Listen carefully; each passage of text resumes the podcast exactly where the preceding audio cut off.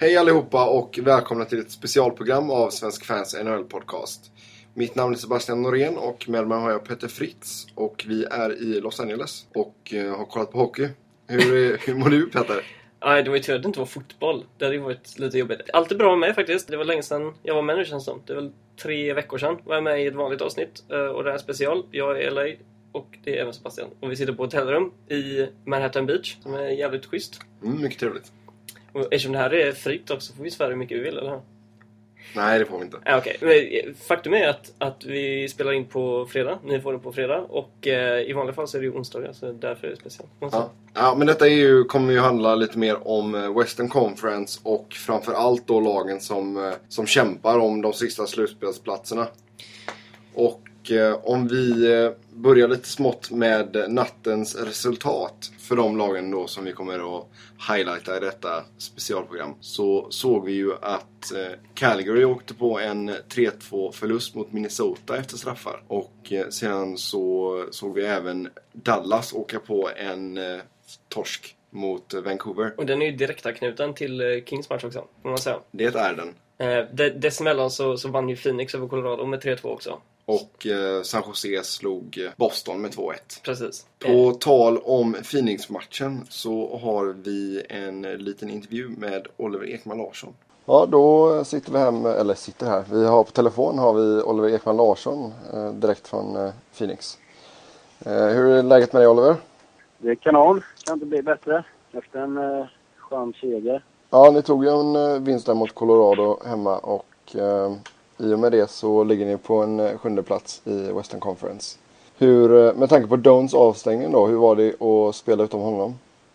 Eh, ja, nej, men vi är ju ett hårt jobbande lag som, som behöver varenda spelare vi, vi har. Så att det är liksom det vi har levt på hela säsongen. Att vi har ett, en stark grupp och han är ändå vår kapten och en bra spelare och en kanonledare för vår grupp. Så att det är självklart lite, lite minus på den fronten, men jag tycker att vi spelar eh, bra i två första så går vi väl ner oss. De trycker på lite i, i tredje där vi, så att, eh, men skönt med två poäng. Och för egen del så är det gan- ganska bra också. Du har gjort en hel del poäng nu de senaste matcherna. Jag har haft lite, haft lite flyt de senaste matcherna och matcher så lite min väg, men det är alltid kul att göra lite poäng. Om vi tittar på eh, den närmsta tiden här så har ni ju ett eh, dubbelmöte med San Jose först på lördag och sedan eh, nästa torsdag. Hur viktiga blir de två mötena? Ja, de kommer bli oerhört viktiga. Det är två vinster där så skulle jag nästan kunna säga att en slutspelsplats kanske är säkrad där men som sagt det är så oerhört tajt så man vågar inte, vågar inte spekulera i sådana frågor. Och, men det kommer absolut bli två tuffa matcher och vi har bara, bara tuffa matcher kvar i stort sett. Ja, det är väl Columbus som kan räknas som en nästintill säker vinst va? Eh, ja, nej, men det är ju, vi har ju spelat med dem två gånger nu innan så att eh, då förlorade gångerna så att eh, det kommer bli en tuff match det också. Hur tror du det kommer gå då? Kommer ni knipa en slutspelsplats? Eh, jag tror att eh, vi har en så eh, stark grupp och vi har ändå visat i många matcher att vi har kunnat vända underläge och att vi har bra lagmoral i, i vår grupp. Så att jag tror att det kommer vara det avgörande för att vi klarar det. Då önskar vi dig lycka till och så får vi hoppas att det blir två vinster där mot San Jose. Tack så jättemycket. Ha det bra! Hej, hej!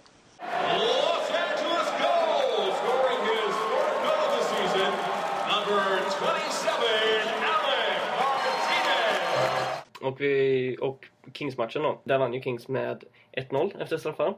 Det innebär två nollor till två riktigt bra målvakter. Hoppas vi gör alla Bluesfans glada nu. när Mm. Elliot var riktigt, riktigt bra. Ja, det var han. Han var riktigt bra. Eh, Quick var lite bättre dock. Kvick var lite bättre. Nej men alltså grejen med det var ju att Blues fick ju en hel del fler alltså riktigt fina målchanser. Och hade man haft en riktig sniper där så tror jag nog att de hade kunnat avgöra under ordinarie tid faktiskt. Det är väl det som är både för och nackdelen med att ha ett lag där alla kan göra mål. Det är ingen som står ut på något sätt egentligen. Det är vare sig defensiven eller offensiven skulle jag säga. Men, men eh, nackdelen kommer då till att man har inte någon som när han får en pass så smäcker han in den i krysset varenda gång. Utan det var en hel del missar och en hel del dåliga avslut helt enkelt. Eh, Men eh, för att återkomma till det här med att Dallas förlust var direktanknuten till Kings vinst så har ju Kings nu gått upp på divisionsledning och ligger trea i Western. Vilket naturligtvis glädjer alla Kings-fans man säga. Ja, absolut. Vi var rätt glada för matchen. Rätt, rätt glada rätt glada när vi såg det. Eh, nej men alltså om vi, om vi går tillbaka till uh, bluesmatchen här då så eh, de ägde ju första perioden St. Louis. Ja. Det var ju total dominans. Det tog eh, 10 minuter innan Kings hade ett skott på mål. Vilket väl säger eh, sin lilla del i, i den. Men eh, i andra perioden så kom Kings tillbaka efter förmodligen en eh, rejäl utskällning från Daryl Sutter och ehm, spelade. Det var en jämn match efter det. Från absolut. efter första perioden som var totaldominerad av Blues så, så kom Kings tillbaka och eh, det var, trots att det inte var några mål så var det en riktigt kul match att se. För att det var mycket lägen, det var jättebra defensivt, jättebra målvaktsspel. Även om då Quick faktiskt fick göra lite svåra räddningar, får man säga. Eh, Blues har ju under Hitch eh, anammat ett ordentligt defensivt eh, kollektiv. Mm. Där alla ligger på sin gubbe och eh, inte tillåter så jättemycket. Så att eh, Elliot fick en del bra skott på sig men eh, det var inga, in, eller inte inga, men det var inga det var inte så många jättesvåra skott han var tvungen att mota. Inte som Quick som eh, fick stå på huvudet flera, flera gånger. Nej exakt. Och där, där kan vi lägga till också att det var ju på grund av att Kings gav ju bort pucken i ett par riktigt eh, ja, Dål- dum, ja. Du, ja, dumma, dåliga lägen Mm. alltså. Och det, Det straffade sig inte, får man säga. nej, alltså de hade ju flyt alltså. Det, Ja. det måste man ju säga. Det, samtidigt så behövde ju Kings vinsten mer än vad Blues behöver den. Blues är ju säkra för slutspel sen eh, förra matchen, eh, förra, förra matchen, är det. Mm. För att de spelade mot Anaheim igår. Och Eh, jag menar, man, man leder ju fortfarande hela Western Conference och man har flest poäng i hela ligan. Så ja, det finns nog inte så mycket att gråta över. Det är bättre för dem att vila sina spelare och inte ta ut sig allt för mycket och riskera någonting. Även om nu Koljakov får skada sig. Jag vet inte hur det är med honom. nej, han eh, flög in där. Ja, han flög in i, i eh, målet gjorde han. Mm. Och eh, utgick och kom inte tillbaka så vitt jag vet. Ehm, Nej, och sen man har ju liksom, man plockar upp en pinne idag och man ligger fyra poäng före Vancouver. Så. Precis, precis.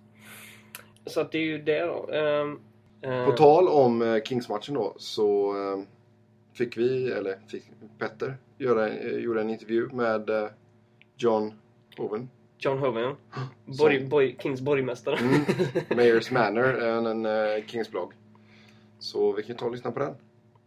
Vi har en intervju här med eh, John Hoven som är känd som eh, The Mayor här i LA. Han har en eh, framgångsrik NHL-blogg som snackar mest om Kings och deras prospects. Uh, hi John, how, how are you? I'm doing great. Thanks for having me. Oh, it's great having you. Uh, it's great fun to to be in LA and, and have the opportunity to have a famous blogger on the air. so, uh, what do you think of uh, tonight's game against the Blues? Well, you know, uh, the Kings were definitely outplayed in the first period. I mean, you would almost say it was a clinic that was put on by the St. Louis Blues. I mean, they owned every every inch of the ice. They controlled them physically. Uh, they controlled them along the boards. You know, obviously they controlled the shot total as well. Uh, the Kings just did not look good in the first period, but to their credit, they rebounded in the second period. And uh, as Jeff Carter said after the game, he thinks they just wore him down as the game went on. And you know that happens when you're playing a team like the Blues, uh, who are playing on their second night on back-to-back games. Yeah, yeah, definitely. I uh, agree with you, and and uh, I mean, I I would say that clearly shows that the Blues don't have that sniper because they had a lot of chances uh, where they just fanned or, or missed the net.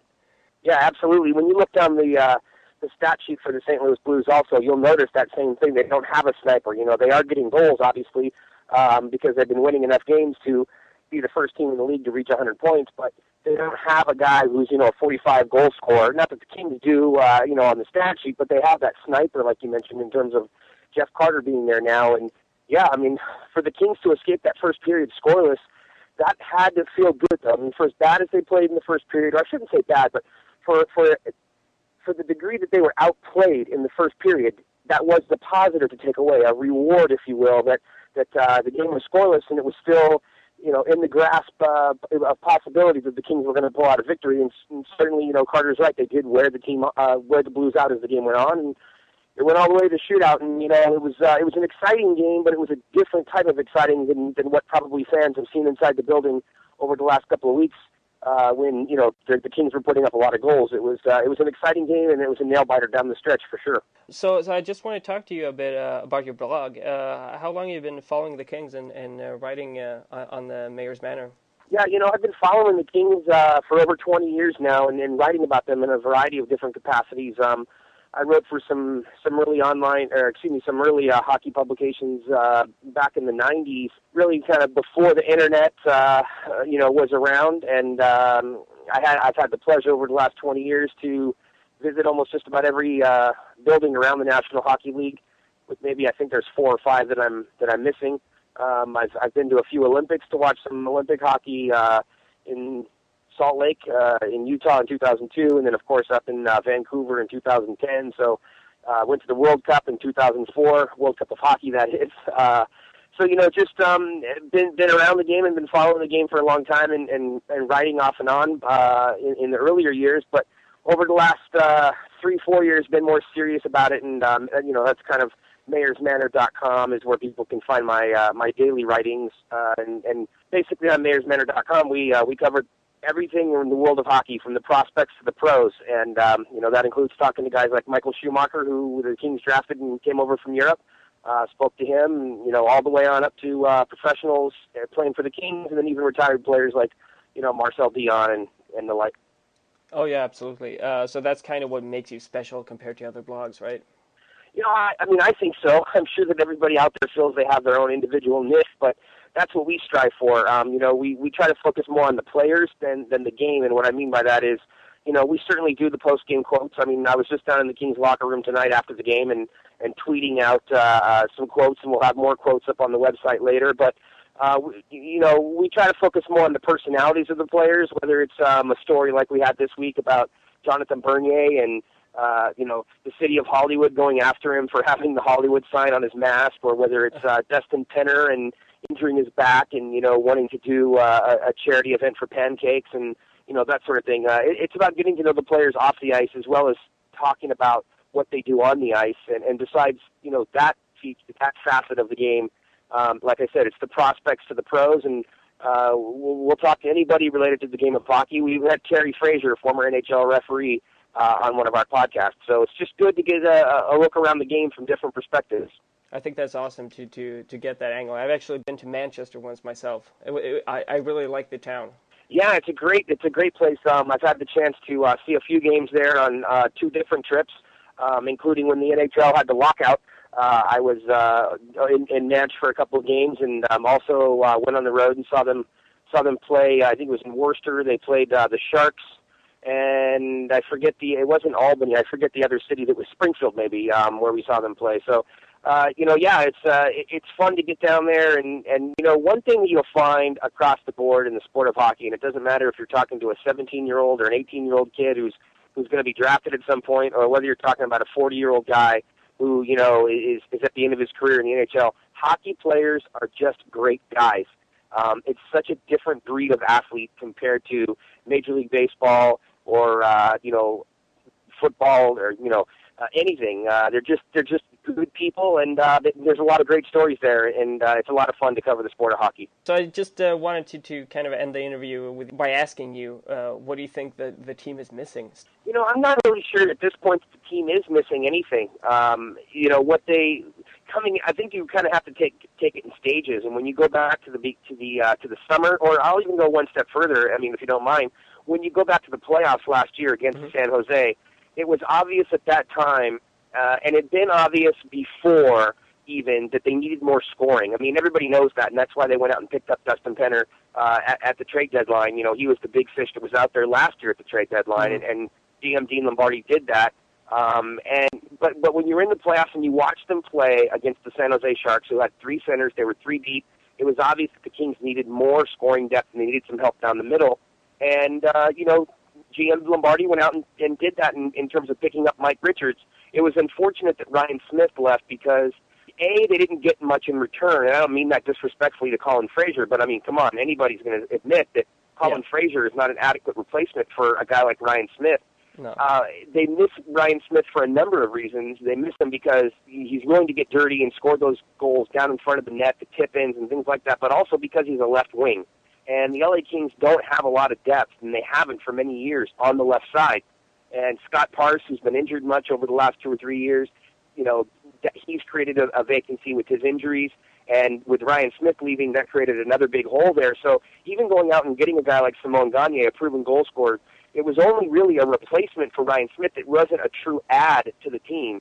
The add would have been Mike Richards, you know, because what they traded to get Richards was a third line right wing in Wayne Simmons, and of course, uh, a quote unquote future NHL player in in Braden Shin. Yeah. So coming into the season, I mean, just to kind of give you a long-winded answer, I know, but coming into the season, they were expected to be a team that was competing for the Pacific Division title and possibly for the Western Conference title. So it's interesting that we're having this conversation tonight instead of two weeks ago because there's there's been a lot of disappointment in Los Angeles with this team up until now. But when you look at this team compared to where they were a month ago, prior to the trade for Jeff Carter, they're a different team, and the reason they're a different team is Jeff Carter.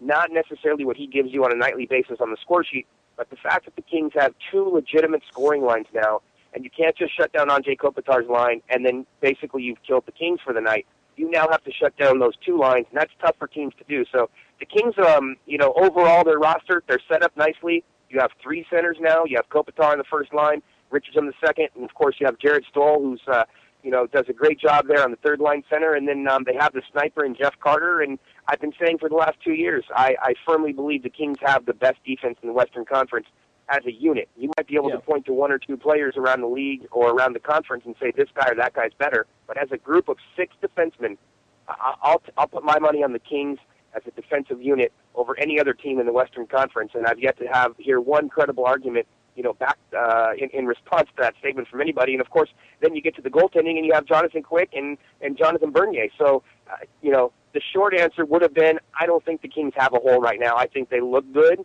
and uh, they're they're possibly possibly peaking at the right time, playing their best hockey right now, going into the playoffs. They're a very dangerous team to play come playoff time. Yeah. Oh, that's great. Thanks a lot, John. It was uh, real nice talking to you. Perfect. I appreciate you guys having me on. Thanks so much. Vi är naturligtvis väldigt glada över att ha fått göra den här intervjun med John som, eh, som han själv säger då, eh, gör intervjuer och eh, stories om, om allting som rör Kings från juniorspelare till, till legender egentligen. Och ni kan naturligtvis följa honom på Twitter och hans Twitter-handle som det så fint heter är Mayor NHL. Med Y. Ja, men han är inte major, han är borgmästare. exakt. Eh, om vi eh, går vidare och tittar på tabellen. Så ser vi då att Kings... Trots att Coyotes även vann så, så ligger ju då Kings etta i eh, Pacific Division. Tack vare att de har en match mindre spelad. Och sen så är det ju otroligt jämnt mellan Phoenix och Kings i övrigt. Skulle Kings förlora mot Boston, som lär vara törstiga efter förlusten mot Sharks, så kommer ju förmodligen Phoenix att gå vidare gå om. Precis. Eh, sedan så ser vi då alltså att Phoenix ligger på sjunde plats just nu, 86 poäng, samma som Kings. Sedan har vi Dallas på en åttonde plats, 85 poäng. Colorado nionde plats, 85 poäng. San Jose 84 poäng och Calgary 83 poäng. Och det är, det är, det är väl en av de lagen som ligger upp på de sista slutspelsplatserna. Det är det absolut. Ehm, Chicago är ju heta nu, så de behöver ju knappast oroa sig. Mm. Eh, Nashville har varit li- lite dåliga. Sen har haft problem i målet. Ja, Pekka, jag vet inte fan vad som har hänt där riktigt. Som jag sa innan, peckarna rinner in. Ja, exakt. Men, Brum, tsch. Två göteborgare, hej hej. Förvänta er inget annat. Eh, men eh, Nashville, jag menar, skulle de fortsätta förlora så, så kan de nog sumpa det här, men det känns ju högst otroligt. Ja, nej, de är för bra för det. Man brukar väl säga 95 poäng.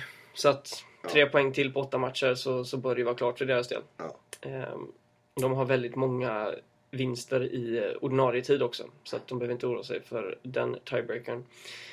Nej, alltså jag tror ju att det blir ju, just om vi snackar lite Phoenix här och så blir det ju nog det här dubbelmötet med San Jose som vi, som vi frågade om Oliver om innan då. Eh, Det kommer ju nog avgöra mycket tror jag. Jag menar, vinner de båda de matcherna så är det väl mer eller mindre klart. Absolut, men skulle de däremot förlora båda, hur påverkar det dem? Har, kommer Sharks att eh, ta sig till slutspel då? Det hänger väl lite på, på hur Colorado går faktiskt. Och, jag Ja. Det, det går ju inte att sia om någonting Nej. överhuvudtaget egentligen. och även Dallas liksom. Ja, men men San, San Jose ligger två poäng bakom Kings. Mm. Det är ju ingenting. Så att jag menar, skulle Kings förlora och, och två matcher och, och Sharks vinner sina matcher mot Coyotes så, Ja. så har vi ju liksom... det, det är, Då är det upp och nervänt. ja, Nej, nej, alltså enda laget i Pacific som inte har en chans, det är ju Ducks liksom. ja, absolut. Eh, Sorry alla Ducks-fans, men det är sanningen alltså. skulle de lyssna på en eh, sån här podcast? Ja, det får vi väl hoppas. Men, eh, nej men men det, det, det, det går inte att säga som sagt överhuvudtaget om, om vad som kommer hända. Det enda som jag känner skulle vara otroligt är ju att fyra Pacific-lag går till slutspel. Det tror jag inte händer. Eh, och i dagsläget så ser det ut som att det är San Jose som får offra sig och kommer att eh, missa slutspel. Om de inte skärper till sig ordentligt. Ja, men det är just det att de, formen har ju varit ganska dassig. Och det är, visst, nu vann man, men jag menar, man är 4-3-3 senaste 10. Samtidigt, Boston, eh, det är, det är en, även om de har problem i målet Boston så är det fortfarande en rätt tung skalp för, eh, för Sharks att, att ta de poängen mot dem. Så att eh, det kan ju vara psykologiskt att det vänder för dem nu. Det vet man aldrig. Jag tycker inte Boston, Boston har inte gått så bra i sista. Jag menar, man ligger på 87 poäng. Så, eh, jag vet inte. Eh, på tal om Sharks så såg vi dem få spö av Kings i tisdags också. Mm. Det har varit eh, väldigt kul att se eh, två matcher live och vi har även eh, matchen mot Boston på lördag. Bataljen mot Boston. Ja, bataljen. Mm. Blodbadet Ja. mot Boston. Ja, exakt. Jag vet inte. Det beror på vilket humör Kära är på. Precis. Eh, men matchen mot San Jose, där, där, där var ju det San Jose som har sett de senaste veckorna. Mm. De har sett oinspirerade ut, de har sett loja ut och släppt in många mål. Eh, jag menar, jag, jag är fortfarande...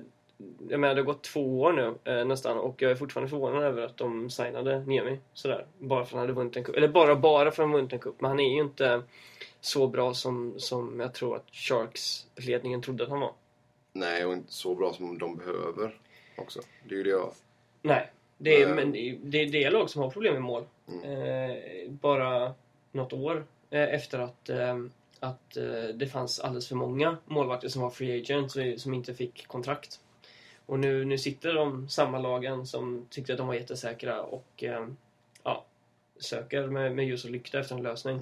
Sedan har man ju haft oflyt också. 90 Mäki gick, gick, har ju gått sönder med jämna mellanrum också. Och man har fått spela med Grice i vissa matcher. Och... Som visserligen har varit mycket bättre än vad han var i Brynäs. Ja, ja, absolut.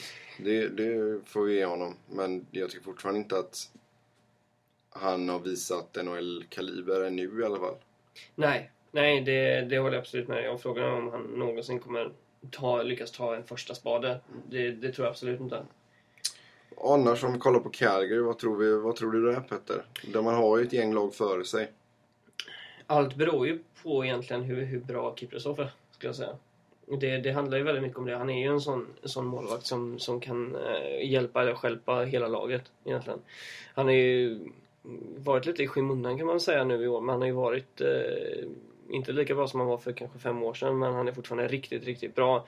Och Calgary har ju det här lilla problemet att eh, de inte får det att funka liksom. Och, och Feaster ärvde ju ett lag från Daryl Sutter som, eh, som inte var det bästa, som var rätt tyngt av capen och som...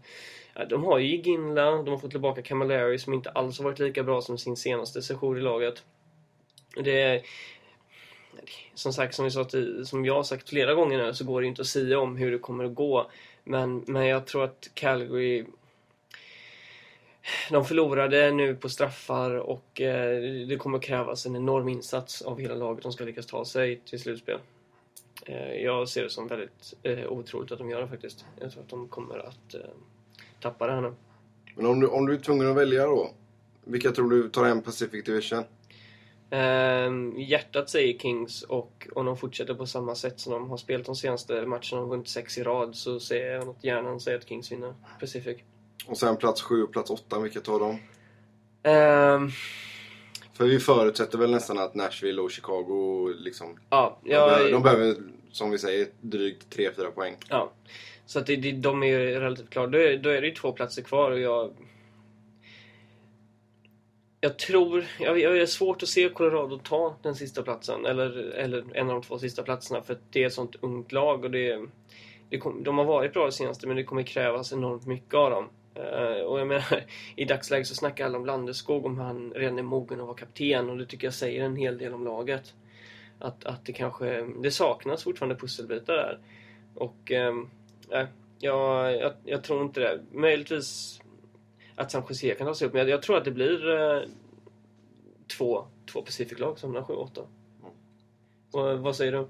Ja, jag tror nog att alltså, som tabellen ser ut just nu så det skulle inte förvåna mig ifall det, det blir så här den slutar faktiskt. Tror att det är Phoenix och Dallas som tar de sjunde och åttonde. Sen vet man ju inte i vilken ordning. Det, det är svårt att säga, men jag tror att det, det blir nog de två faktiskt. Precis. Nackdelen för Colorado också är ju att de bara har sex matcher kvar att spela och att de har vunnit så många matcher på straffar. Det, det stjälper ju dem en hel del. Sex, sex matcher kvar att spela, det är 12 poäng. Då kan de komma upp på, på, på 97. Men då, om de vinner alla dem i, i ordinarie tid, då har de 37 eh, ordinarie vinster, vilket inte är så mycket om man jämför med till exempel Nashville och Chicago som eh, i dagsläget ligger på 37-38. Och eh, Dallas har åtta matcher kvar. De behöver fem matcher till för att, för att komma upp på 38, vilket skulle vara ännu mer än vad Colorado kan då. Och med det så säger vi tack och hej för detta specialprogrammet av eh, Svenska fans NHL-podcast. Vi kommer inte köra någon spelarranking i och med att detta inte räknas som någon eh, spelarpresentation i och med att det inte detta räknas som någon officiell podcast. Ja, fast vi kan ju dra upp de bästa Kings-spelarna som spelat nummer ett. kan du Nej. komma på någon? Nej, vi eh, Stefan hade han nummer ett? eh, hoppas ni får en bra hockeyhelg och så eh, hörs vi som vanligt på nästa vecka runt eh, tisdag onsdag där. Mig kan ni ju följa på Twitter, Seb Noren ett ord och Petter, Petter Fritz ett ord. Som sagt, ni får ha det bra. Hej!